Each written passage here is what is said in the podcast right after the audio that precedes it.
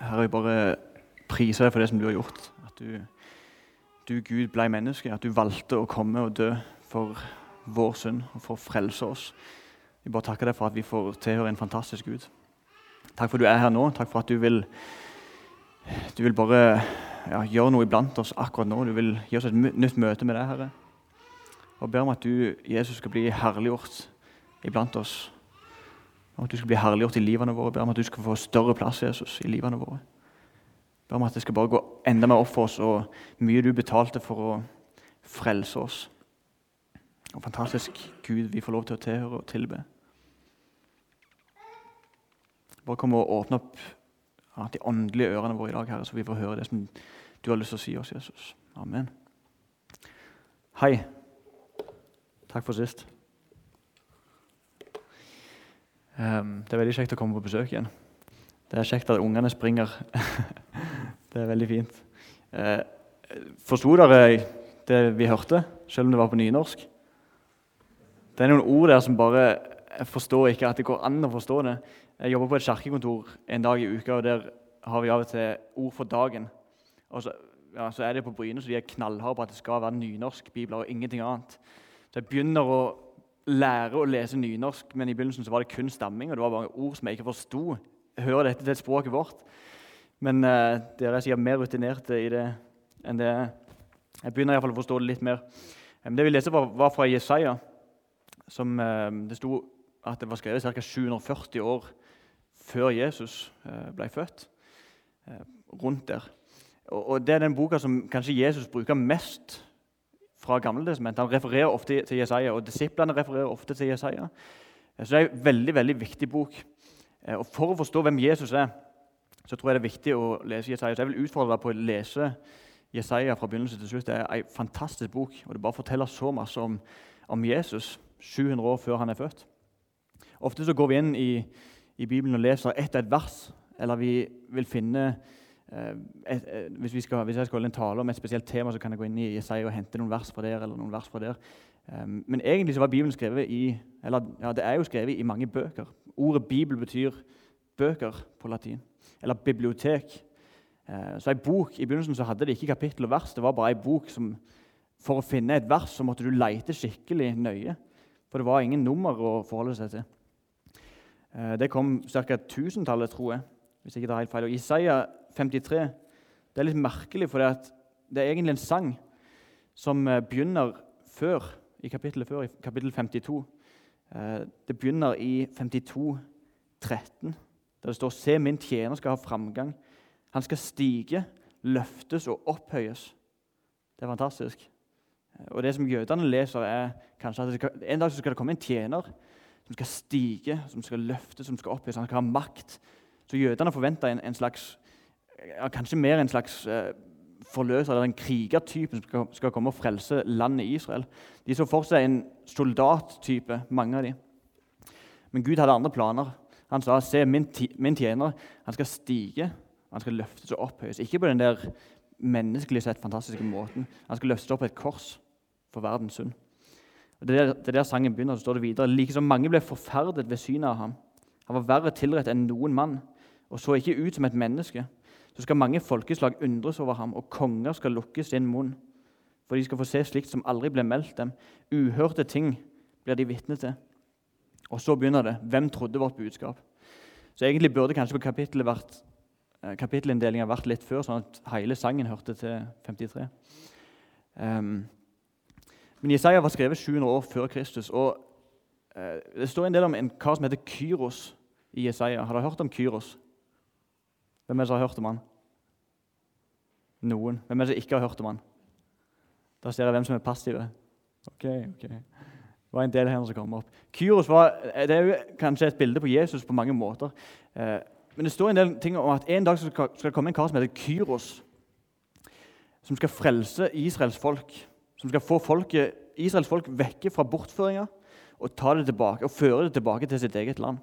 Dette var skrevet 700 år før Jesus. Eh, og jeg lurer om det er ca. 100 år seinere, eller litt etter det, eh, så kom det en kar som heter Kyros. Som var en perserkonge.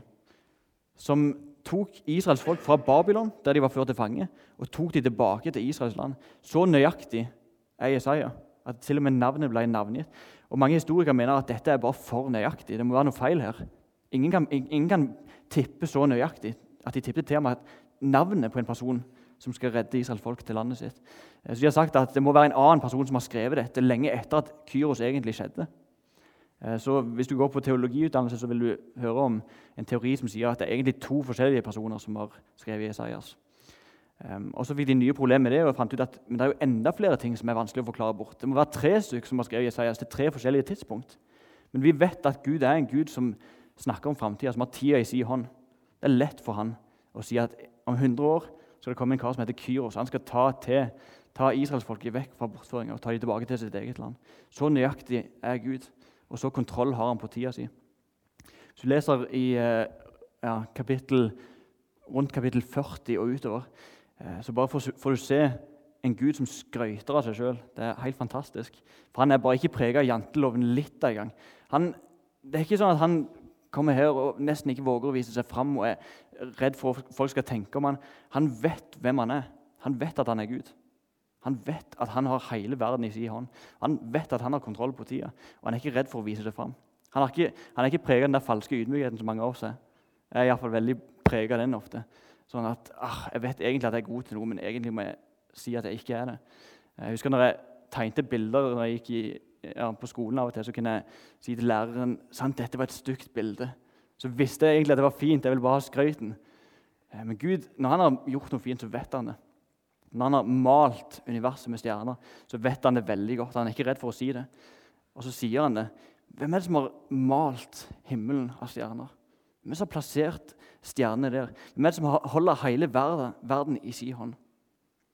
Så sier han, hvem er det som kan gi Herrens ånd råd? Og Alt er ledende spørsmål, for han vet at ingen kan gjøre dette uten meg. Ingen er stor og mektig fantastisk uten meg. Det fins ingen Gud uten meg. På den tida var det jo masse masse avgudsdyrkelse. Det var mange folk som lagde guder med sine egne hender. De lagde treskulpturer og de lagde astartebilder. Eh, som for øvrig Astarte eh, er kjærlighetsgudinna, som er populær i våre dager. Eh, og Astarte førte til navnet Ishtar, som er et annet navn av Astarte. og Der, der kom det, det, engelske ordet på påske, som heter Easter, kommer fra Astarte. Veldig merkelig. Um, I noen kulturer ble en avguds, uh, en avguds høytid brukt og um, bare gitt et, et kristent innhold. Så Easter kommer fra Astarte. Det er veldig snodig det engelske ordet. Noe som vi bare forbinder med det er jo den mest kristne høytida i verden. Men det var masse sånne avguder, og Gud sa eh, disse gudene som dere lager med deres egne hender, de er ingenting. Og kan vel de gjøre for dere? Så utfordrer han gudene. Så sier han er det noen som kan fortelle meg hva som skal skje i framtida. Eller er det noen som kan fortelle om det som har skjedd i fortida? Og så sier han bare gjør noe godt eller vondt, dere avguder, sånn at vi kan se det og så sier han ingenting kan gjøre. Det er kun meg som har kontroll på framtida. Og så maler han bare profeti etter profeti etter profeti om det som en gang skal skje. Bare for å si at det er kun meg som er Gud. Jeg alene er Gud. Utfordrer den der pluralismen i vår tid. Eh, som bare kommer blant mange kristne. at altså, Vi tror på Jesus og vi tror at han er veien, men det kan jo være at det er andre veier. Og Gud bare utfordrer den. Det er ingen annen vei. Det er kun Jesus uansett hvor flotte og gode og, eh, andre religioner eller trossamfunnet er, det fins ingen annen vei enn Jesus. Kun Jesus. Det er bare i Han det er frelse. Ingen annen vei. Så kommer han med dette Jesaja 53, som er midt i andre del av Jesaja. Det er merkelig at Jesaja har 66 kapitler. Har jeg tenkt på det? Like mange kapitler som det er bøker i Bibelen. Det virker som om del 1 slutter ca. rundt kapittel 39. 39 er det siste kapittelet. E-, etter 39 så begynner en ny del. Da begynner kapittel 40 med trøst. Ja, trøst mitt folk. Så begynner vi å snakke om en kar som skal rope i ødemarken. Akkurat der som Nytestamentet begynner. Så det virker som De 39 første kapitlene er nesten et, et bilde på Gamletestamentet. Og Gamletestamentet har 39 kapittel. Eller 39 bøker. Mens 40-66 ligner veldig på Nytestamentet i oppbygning. Det begynner med en kar som roper i ødemarken 'Rydd Herrens vei'. Gjør Herrens veier rette. I kapittel 40. Så går det til å snakke om en Messias, en lidende tjener som skal komme, som skal korsfestes, som skal dø for verdens synd.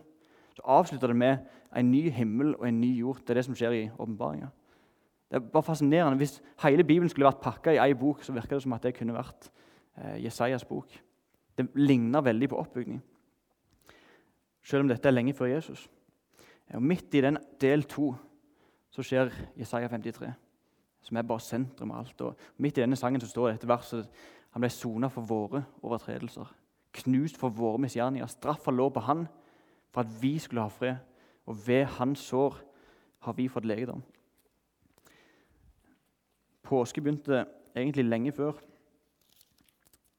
I 2. Mosebok 12. Jeg har bare lyst til å lese et avsnitt fra innstiftelsen av påskehøytida. Fra kapittel 12 i 2. Mosebok, vers 1 og litt utover. Herren sa til Moses og Aron mens de var i Egypt.: Denne måneden skal være nyttårsmåneden for dere. Dere skal regne den for den første måneden i året. Si til hele Israels menighet på den tiende dagen, dagen i denne måneden skal hver husfar ta seg ut et lam, ett for hver husstand. Men en husstand for liten til å spise opp et lam, skal husfaren og nærmeste grannen ta ett sammen, ettersom de har folk til. Dere skal ikke regne flere på hvert lam enn at alle blir mette. Det må være et års gammelt lyteløst værlam. Istedenfor et lam kan dere òg ta et skje. Dere skal ta vare på det til den 14. dagen i denne måneden. Da skal hele Israels menighet slakte det straks etter at solen er gått ned. Så skal de ta noe av blodet og stryke det på de to dørstolpene og dørbjelkene i, de husene hvor de spiser det. Og Kjøttet skal de spise samme natten. De skal steike det på ilden og spise det med usyra brød og bitre urter. Dere må ikke spise det rått og ikke koke det i vann, men steike det over ilden med hode, føtter og innvoller. Heller ikke skal dere la noe bli tilbake til morgenen. Det som er igjen da, skal dere brenne opp. Når dere spiser det, må dere ha belte om livet, sko på føttene og stav i hånden. Og dere skal spise det i hast. Det er påskehelg for Herren. For samme natt vil jeg gå gjennom Egypt og slå i hjel alle førstefødte i landet, både folk og fe. Over alle gudene i Egypt vil jeg holde dom. Jeg er Herren. Men blodet skal være det, det merket som viser hvilke hus dere er i. Når jeg ser blodet, vil jeg gå forbi. Ikke noe ødeleggende slag skal ramme dere når jeg slår Egypt. Siden skal denne dagen være en minnedag for dere. Da skal dere holde helg og høytid for Herren. En evig ordning skal det være for dere å feire den i slekt etter slekt. I sju dager skal dere spise usyra brød. Allerede den første dagen skal dere sørge for å få surdeigen ut av husene deres. Hver den som spiser syra brød fra den første til den sjuende dagen, skal utryddes av Israel. Så står det videre midt på natten vers 29. Midt på natten slo Herren i hjel alle førstefødte i Egypt. Fra den eldste sønn av farao som satt på sin trone, til den eldste sønn av fangen i fengselet. Og alle de førstefødte dyr i buskapene. Der begynte påsken. Eh, Israel var, var fanga i Egypt, og Gud har lovt dem at dere skal bli satt fri. En dag så skal dere få bli satt fri. Og Etter ti plager som dere sikkert har hørt om, eh, så kommer den siste plagen som er en dødsengel som skal slå i hjel alt førstefødt i hele Egypt. Og Israelfolket får beskjed om eh, hvis dere vil bli redda for denne plagen, da skal dere slakte et lyteløst lam. Et lyteløst det betyr et lam som er perfekt, et lam som det ikke fins feil på. Eh, og Det er nesten vanskelig å finne hvis du er sauebonde eller hvis du har dyr. så er det vanskelig å finne et dyr som er perfekt. Men de skulle finne et lam som var så perfekt at de ikke kunne finne lyte eller feil på det. Og Allerede der så bare ser vi eh, glimt av Jesus. Det skal være en person som det ikke fins feil på. I Jesaja 53 hørte vi det. Det fins ikke svik i hans munn. Skal dere slakte dette lammet, og blodet av dette lammet skal stryke på dørstolpene og på dørbjelken i huset deres. Når dødsengelen går rundt i Egypt for å slå i hjel alt førstefødt, da skal han se noen hus som er merka av blodet. Så skal han gå forbi og fra, fra, det ordet 'gå forbi' så kom ordet 'passover', eller påske. Um, det hebraiske ordet 'påske'. Um, på engelsk heter det 'passover'. Han gikk forbi. Eneste forskjellen på de husene han gikk forbi, og de han ikke gikk forbi, var at det var hus som var dekka av blod av et lyteløst lam. Og På samme måte er det med oss. Uh, nå, nå finnes det ikke lenger noe hus, sånn bygg, som Gud bor i. eh, sånn som de gjorde i de tidene. Da var det tempelet, eh, eller etter israelsfolket. Men nå er vi Guds hus. Og så sier han det samme om oss. De husene som er merka med Jesus sitt blod, med et blod fra et lyteløst lam, der skal Gud gå forbi. Det er ikke forskjell på alder, det er ikke forskjell på skjønn, det er ikke forskjell på eh, interesser, det er ikke forskjell på eh, fortjeneste. Det eneste som betyr noe, er er du dekka av blodet av et feilfritt lam. Et fantastisk bilde. Er du dekka av blodet? Alle fortjener, fortjener, det samme. Alle fortjener å dø, for ingen lever godt nok til å fortjene frelse. Det var derfor Jesus kom og var så knallhard med fariseerne. Fariseerne var folk som levde godt. Mange av dem var, de levde, altså Graden av rettferdighet var veldig høy hos fariseerne. De levde rimelig rettferdig. En person kom bort og, og, og sa alle de buda som du sier til meg, alt dette har jeg hørt fra jeg var ungdom av. Så sier Jesus, men du har ikke forstått det. Du kan ikke være sjølrettferdig i deg sjøl, er det akkurat som han sier. Selv om du holder buda så godt du kan, så klarer du ikke i egen kraft å fortjene frelsen. Du trenger Guds blod, eller Jesus sitt blod like masse som alle andre. Du trenger mitt offer for å bli ren. For ditt liv er ikke godt nok i seg sjøl. Av og til har vi lett for å bare blande eh, nåde og tilgivelse med litt av våre egne gjerninger. At vi hører det, Mange folk sier det, men jeg er jo passe god. Jeg er jo bedre enn mange andre. Og Jeg merker det sjøl av og til. Hvis jeg har hatt en god periode der jeg kjenner jeg har levd liksom greit og jeg har ikke slitt med de samme syndene som bare, bare hunger på meg så lenge, og Når jeg har gode perioder der jeg ikke sliter med de samme tingene, så kan jeg fort bare kjenne på sånn stolthet. Men nå får jeg det til. Nå får jeg det utrolig godt til. Egentlig så er jeg faktisk bedre enn enn de kameratene mine. Eller jeg får, jeg får, til å leve rent på det området der de ikke lever det. Så blander jeg litt Guds tilgivelse med min egen rettferdighet. Og Gud sier at det funker ikke. Du kan ikke bli rettferdig i deg sjøl. Det hjelper ikke å blande Jesus sitt blod med din egen rettferdighet. Det er kun mitt blod som kan gjøre deg rettferdig. Det er kun mitt blod som gjør det rent. Så når du begynner å rose over dine egne gjerninger, da, da er problemet akkurat der. Da har du misforstått det. Da vil ikke, hvis vi, vi kunne fortjent i egen kraft, så ville ikke Jesus ha trengt å dø. Da kunne de blitt frelst, de som gjorde det sånn passe godt. Det er ikke godt nok, for Gud er en hellig Gud. Det var derfor han kritiserte de sjølrettferdige, de som tror at de når opp hvis de følger reglene. Jesus kom på en tid da det var en enorm forventning til Messias. Det skulle komme en frelserkonge. Eh, folk visste profetiene. Mange var, kunne Bibelen ut og inn. De visste at han skulle bli født i Betlehem. De visste at han skulle være eh, fra Nasaret på en eller annen måte. Det var noen profetier om at han skulle være i en periode i Egypt. Eh, det var ei jomfru som skulle bli med barn. Hun skulle føde en sønn. Så det var en del forventninger til at hen Messias skulle komme, og at det begynte å nærme seg. Det var mange rundt Jesus i tida som folk tenkte dette må, må, jo være Messias. Når Johannes døperen begynte å forsyne, så tenkte de dette er sikkert Messias. Men det var det ikke. Så folk var veldig klare for en Messias. Eh, han skulle komme fra Davids ett. Eh, så leser vi alt det som vi, som vi så i Jesaja 53. Han skulle dø. Han skulle være en smertens mann. Han skulle bli forrådt for 30 sølvpenger, står det i Gamle testamentet. Um, de skulle ikke knuse beina til Jesus. Hvert bein skulle være bevart. Det var jo vanlig for de som ble korsfesta, å knuse beinet bare for å um, avslutte det, eller bare for å sjekke at de var virkelig døde. Men istedenfor stakk de et spyd inn i sida hans. Ikke ett bein ble knust. Han skulle bli begravd hos en rik mann. Og det kan vi lese i Apostlenes gjerninger. Eh, at han ble begravd hos en rik mann som heter Josef. Han fikk grava til Josef. Og Mange av de tingene kunne si at Jesus har, eller en hvilken som helst person har, har faka eller prøvd å nå opp. F.eks. at eh, han skal ri på et esel, en eselfole. Eh, mange av de tingene kunne si at Jesus bestemte seg for at dette kan jeg jo klare i egen kraft. Dette kan jeg få til å, at, at skal skje. Men han kunne ikke ha bestemt hvor han skulle bli født. Han kunne ikke ha bestemt hvilken slekt han skulle komme til. Han kunne ikke ha bestemt at han skulle bli født av ei jomfru. Han kunne ikke bestemt at familien skulle reise til Egypt rett etter eh, fødselen.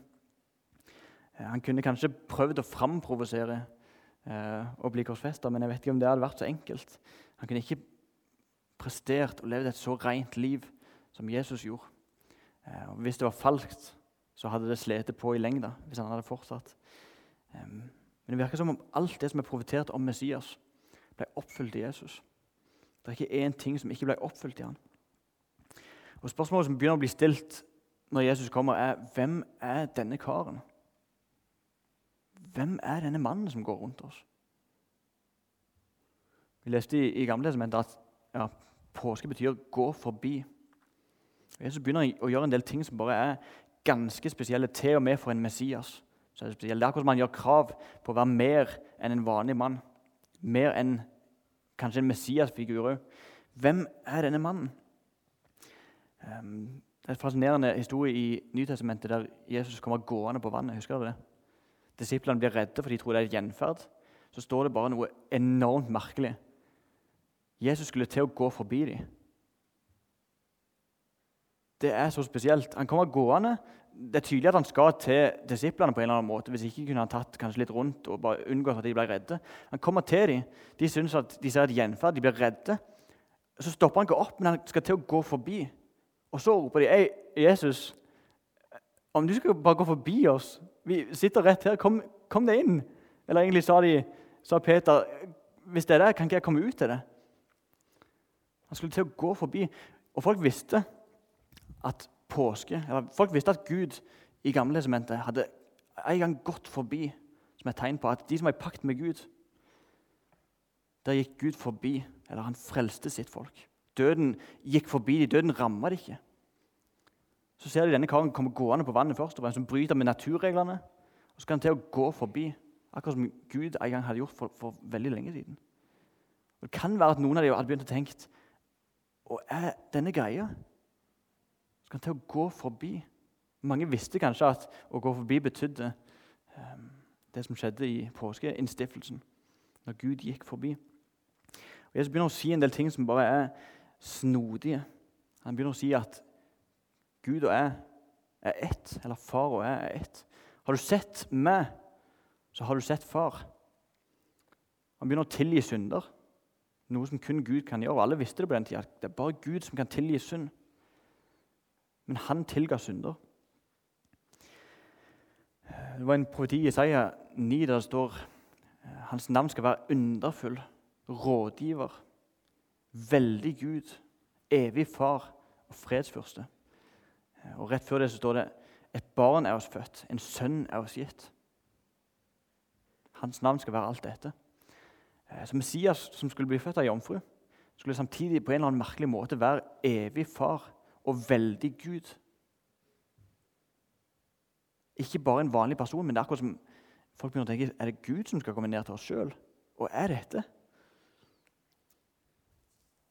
Så begynner han å bruke ja, si ting som Gud sa om seg sjøl i Gamle testamentet.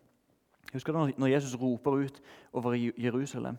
og Han grein over Jerusalem, så sa han ofte vil jeg ikke samle dine barn som ei høne samler kyllingene under sine vinger men dere ville ikke.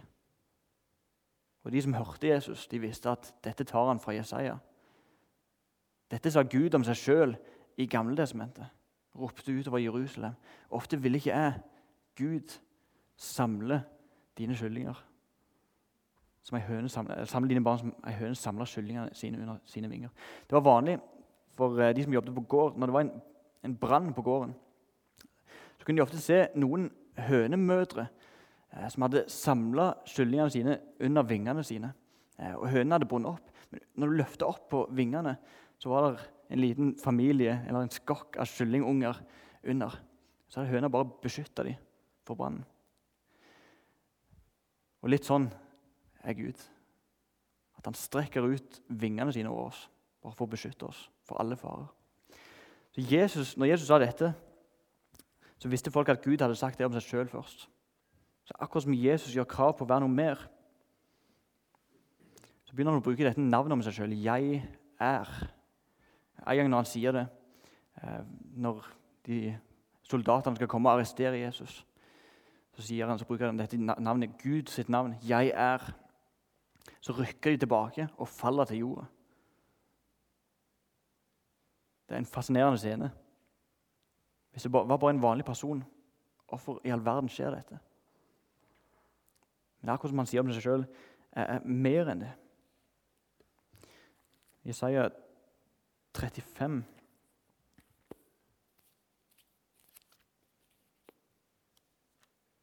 vers 4.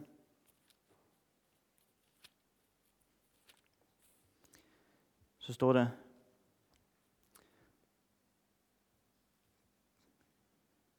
fra vers 4b Gud vil gjøre gjengjeld.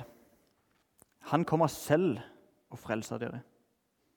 Da skal blindes øyne åpnes og døves ører lukkes opp. Da skal den lamme springe som hjorten, og den stumme skal juble med sin tunge. For i ørkenen bryter kilder fram, bekker på de tørre stepper. Gud vil gjøre gjengjeld. Gud kommer sjøl og frelser dere, står det. Så Gud sjøl skal komme og frelse dere. Han skal ikke bare sende en annen person til å frelse dere, men Gud sjøl skal komme og frelse dere. Det som skjer når Gud kommer og frelser oss, står det, da skal blindes øyne åpnes. Og hva som skjedde når, Jesus kom. Blinde begynte å se, sånn bokstavelig talt. Åndelig òg, men bokstavelig talt. Døves ører begynte å lukkes opp. Jeg kan lese om det i Nytestamentet. Den lamme begynte å springe som hjorten, og den stumme begynte å juble med sin tunge. Det er det som skjer når Gud sjøl kommer og frelser oss.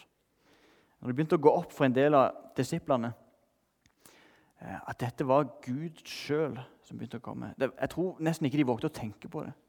Tanken på at Gud var blitt menneske, det brøt så med de sine tanker. En perfekt, hellig Gud kan jo ikke bli menneske kan jo ikke bli underlagt det svake, skrøpelige mennesket. Det går jo ikke an.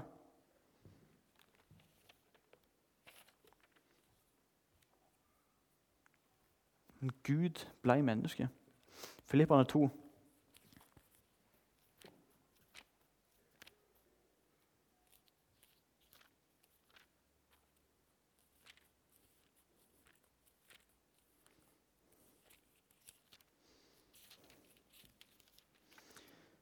vers 6, om Jesus. Han var i Guds skikkelse og så det ikke som et rov å være Gud lik, men ga avkall på sitt eget, tok på seg tjenerskikkelse og ble mennesker lik.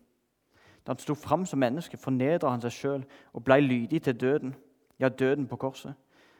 Derfor har også Gud opphøyet ham til det høyeste og gitt ham navnet over alle navn.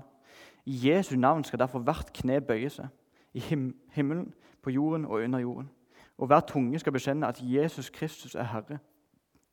Gud, vår Far til ære.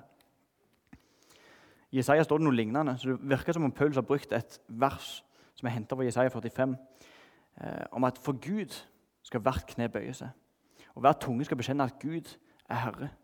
Plutselig blir dette verset brukt om Jesus. I Jesu navn skal derfor hvert kne bøye seg. I himmelen og på jorda. Og hver tunge skal bekjenne at Jesus Kristus er Herre. Gud vår far til ære. Jeg liker utrolig godt under denne skrøytinga av, av, Gud.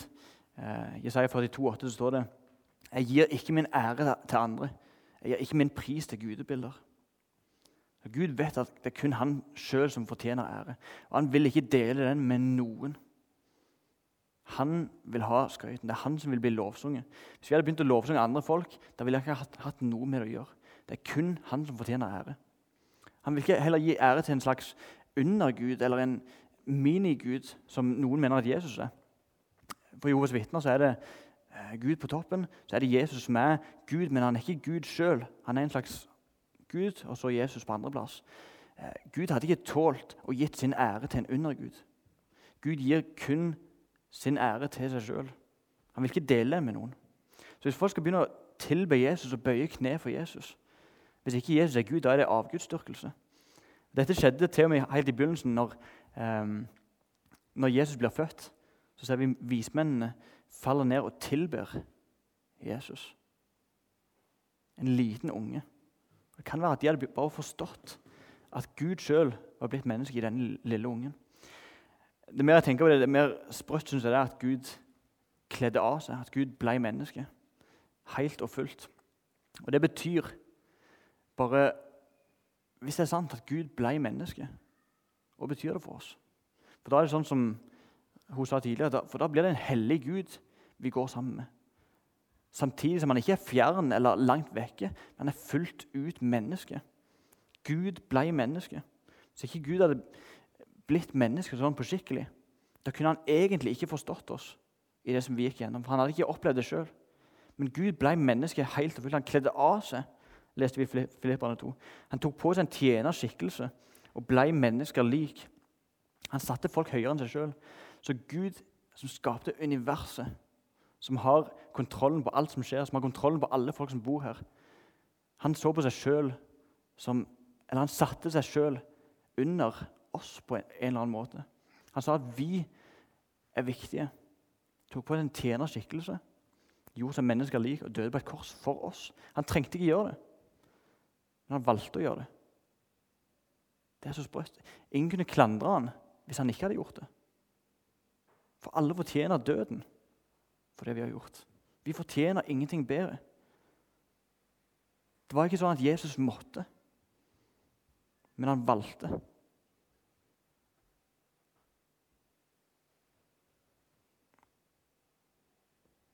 Han satte folk høyere enn seg sjøl. Vi kunne heller ikke klandre ham hvis han hadde sagt du, jeg tror det har vært viktig å dø for dere, men det er travle tider nå.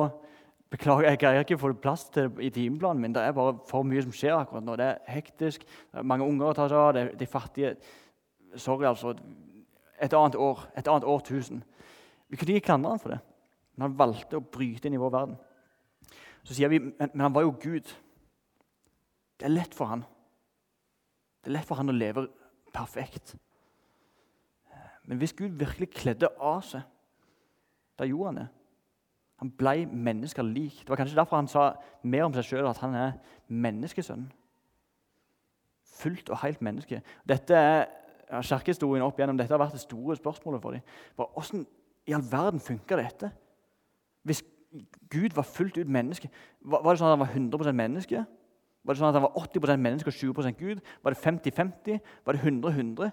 Hvordan fungerer dette? Hvis Gud ble menneske, og Jesus døde på et kors, kan Gud dø? Og mye prosent av Gud var det som døde? Bare alle disse spørsmålene. Hvordan matematisk går dette opp? Så kom de fram til nei. Han var ikke 80-20 eller 50-50. Han var fullt og fullt. Fullt menneske og fullt Gud. Og det betyr, det betyr fullt. Det betyr at når han var fullt menneske, når han kjente seg frista, så var det ekte fristelser. Det var noen folk på Jesus tid, eller litt etter Jesus i tid som heter gnostikere, som sa at Gud, Jesus døde egentlig virkelig ikke på korset. Det var på en måte to personer i Jesus. Så det menneskelige han døde, men Jesus han døde egentlig ikke. Altså, han på en måte rømte akkurat i det han døde, så slapp han lidelsen. Eh, for de mente at Gud kan jo ikke lide. Men de kom fram til at Gud kan lide. Eller 100 100. Gud som menneske er fullt menneske. Så Derfor sier, Paulus når han blir frista, så blir han virkelig frista. Det var ikke bare sånn falsk følelse. Derfor kan han kjenne igjen våre fristelser. Han vet hva vi går gjennom, for han har kjent det på kroppen sin. Han faka det ikke når han, når han ba Gud kan jeg slippe dette. Er det noen vei? Men han ønsket det virkelig. Og Den fristelsen var så stor for han at det måtte komme en Herrens engel og styrke han. For han var så frista til å ikke gjøre det. For Han kjente det på kroppen. Han var fullt ut menneske. Gud som har hele verdens visdom, hele verdens kunnskap. Det var ikke sånn at når han var født, så bare hadde han det. Han som har skapt alle verdens språk. Han måtte lære å snakke.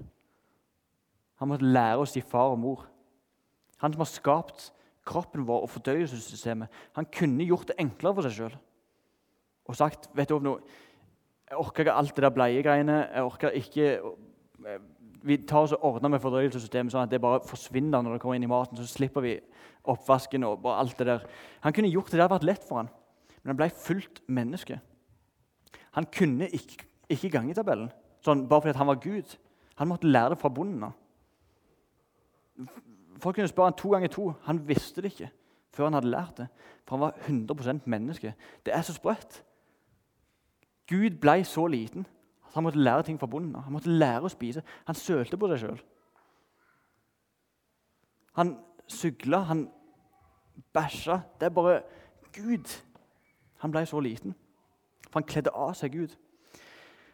Og dette syns jeg er bare så kult. Eh, det vil si at det livet som Jesus levde, det var et liv i eksempel på hvordan et liv, eller hvordan et perfekt liv kan leves. Ikke som Gud, men som menneske. Han viste oss eksempler på hvordan et fullt liv kan leves. Og Derfor står det vi er kalt til å gå i hans fotspor. Han skal være et forbilde som alltid er kommet lenger enn oss. Som alltid er bedre enn oss. Og på En måte, en av løgnene er at vi, vi, tror at vi kan bli syndfrie. Og det kan vi ikke. Ehm, men i Guds kraft så kan vi følge etter Jesus. Steg for steg for steg. For Han har vist oss hvordan livet skal leves. Så Han blir ikke en person som har levd for 2000 år siden, som bare levde det der fullkomne livet som er bare så fjernt fra vår virkelighet. Men han levde et liv som var et eksempel for oss.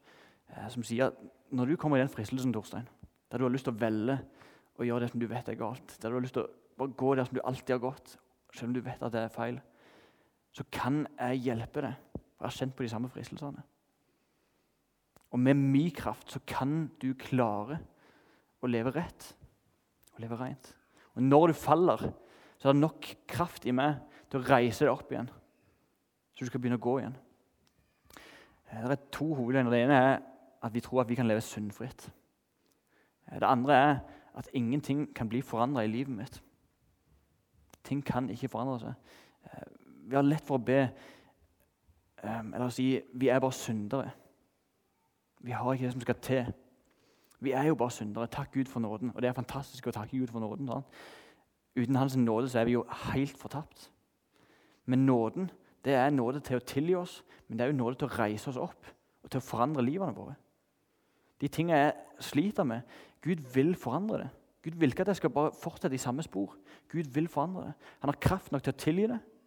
Han har kraft nok til å reise meg opp. Han har kraft nok til å leve livet gjennom meg, sånn at jeg kan leve rett og rent. Han vil at vi skal leve hellige, rene liv. Det er ikke vår egen rettferdighet, men det er hans kraft. Han har gjort alt som skal til. Alle ressursene er tilgjengelige, for han døde på korset. Hans liv er tilgjengelig for oss. Det står samme krafta som reiste Jesus opp fra de døde. Den bor inni oss.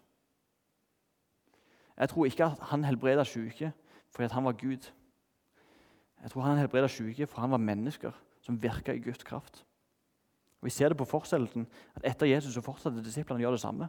De helbreda syke. Ikke fordi de var noe stort, men de hadde forstått at Gud i de, eller Jesus sin kraft, så er det ingenting som er umulig. Alt er mulig. I Jesus' i kraft er det ingenting som skal forholde oss nede. Jesus døde, tror jeg, for å sette oss i frihet. For å sette oss virkelig fri. Det er ingen folk, det er ingen sykdommer som er for vanskelig for han å helbrede. Det er ingen folk som er for langt vekke for han til å frelse. Det er ingen situasjoner som er for skakkskjørte. I Jesus er det nok. Alle ressurser er tilgjengelige i han. Og Disiplene begynte å ligne på Jesus. Vi ser det i Peter mest av alt. kanskje, Når han hadde fornekta Jesus tre ganger eh, og sagt 'jeg kjenner ikke denne mannen', så gikk han ut og grein og angret på det han hadde gjort. Og Jesus kommer bort til han og møter ham på nytt og sier 'Peter, elsker du meg?' Eh, og Peter eh, tenkte 'det kan jeg jo ikke gjøre', eller 'har det jo skjær altså, Jeg kan ikke elske deg på den perfekte måten som jeg skulle ønske at jeg kunne'. Og Jesus tilgir han, men det stopper ikke der. Jesus reiser han opp og forandrer han. Og når du leser de første kapitlene i Apostlenes gjerninger, så ser du en forandra mann. Han er ikke den samme. Han er ikke den samme som han var. For Peter, Gamle Peter var en som fornekta Jesus når han sleit, når han ble satt på prøve og møtte folk sitt blikk. Så vågte han ikke engang fortelle at han hørte til Jesus. Så ser vi en forandra mann i Apostelens gjerninger der han bare frimodig gleder seg over å få lov til å bli piska for at han hører Jesus til. Det er noe nytt. Gud skaper noe helt nytt. Jesus har kraft til å fornye.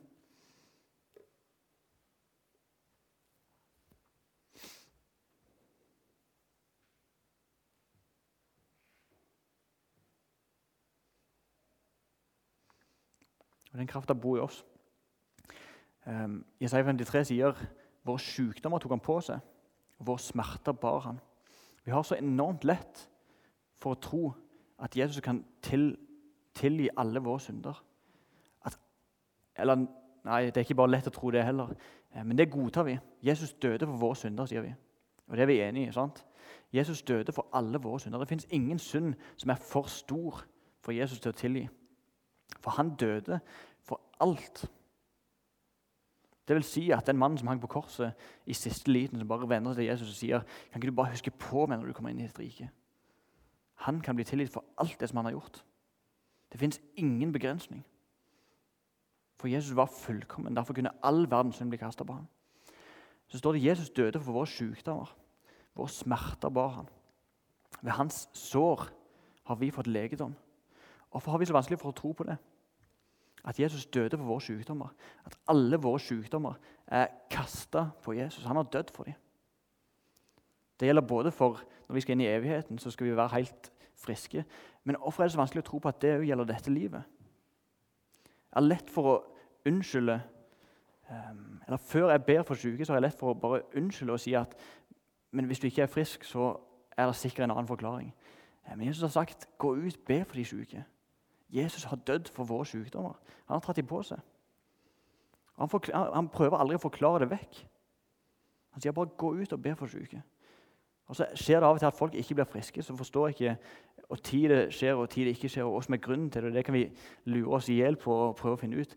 Eh, men utgangspunktet er Jesus bar for syke, eller Jesus helbreda syke. Så sa han til disiplene gå ut og helbred de syke. Så sa de det videre. Så vår oppgave er å be for de syke, i kraft av at Jesus har allerede betalt prisen for alle våre sykdommer. Så så er det hans ansvar å gjøre resten. Så er det hans ansvar å helbrede. Ehm, det er ikke vårt ansvar, men vårt ansvar er å be. Eh, og jeg tror at det er bare enormt viktig å gjøre det. Så vi har bare lyst til å gjøre det veldig konkret etterpå. der vi, um, Det blir en forbønnspost der bak. Bare Hvem som helst kan få forbønn. Og så blir det en helbredelsespost der bak.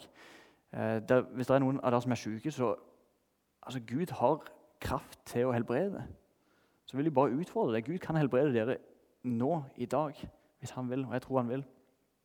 Så da vil vi da vil meg og en til bare be konkret for dere som er syke, og bare be om at Gud skal få helbrede dere akkurat nå. Og framme er det et kors. Der kan dere bare tenne lys eller legge fra dere noen steiner og bare bruke tid med Jesus. Så blir det en slags bønnevandring, og jeg tror det er mens det er lovsang her framme. Stemmer det? Yes. Um, ja, da bare ber vi til slutt. Herre, vi bare takker deg for at du ble menneske. At du gikk fra en perfekt himmel og kom på vår uperfekte jord og ble menneske sånn helt på skikkelig. Takk for at alle de fristelsene du kjente, Jesus, takk for at du kan forstå Takk for at du vet hvordan vi opplever når vi blir frista. Takk for at du vet hvordan det er å være menneske fullt ut. Herre. Du vet hvordan det er å være svak. Takk for at du viste at det går an å leve et fullt liv som menneske. Jesus, takk for at alt er mulig i din kraft. Takk for den samme krafta som reiste Jesus opp for Den bor i oss. Takk for at neste gang vi møter en fristelse, Jesus, eller vi blir lokket til å gjøre noe som er feil, så har du kraft nok til at vi kan stå imot, Herre, i din kraft.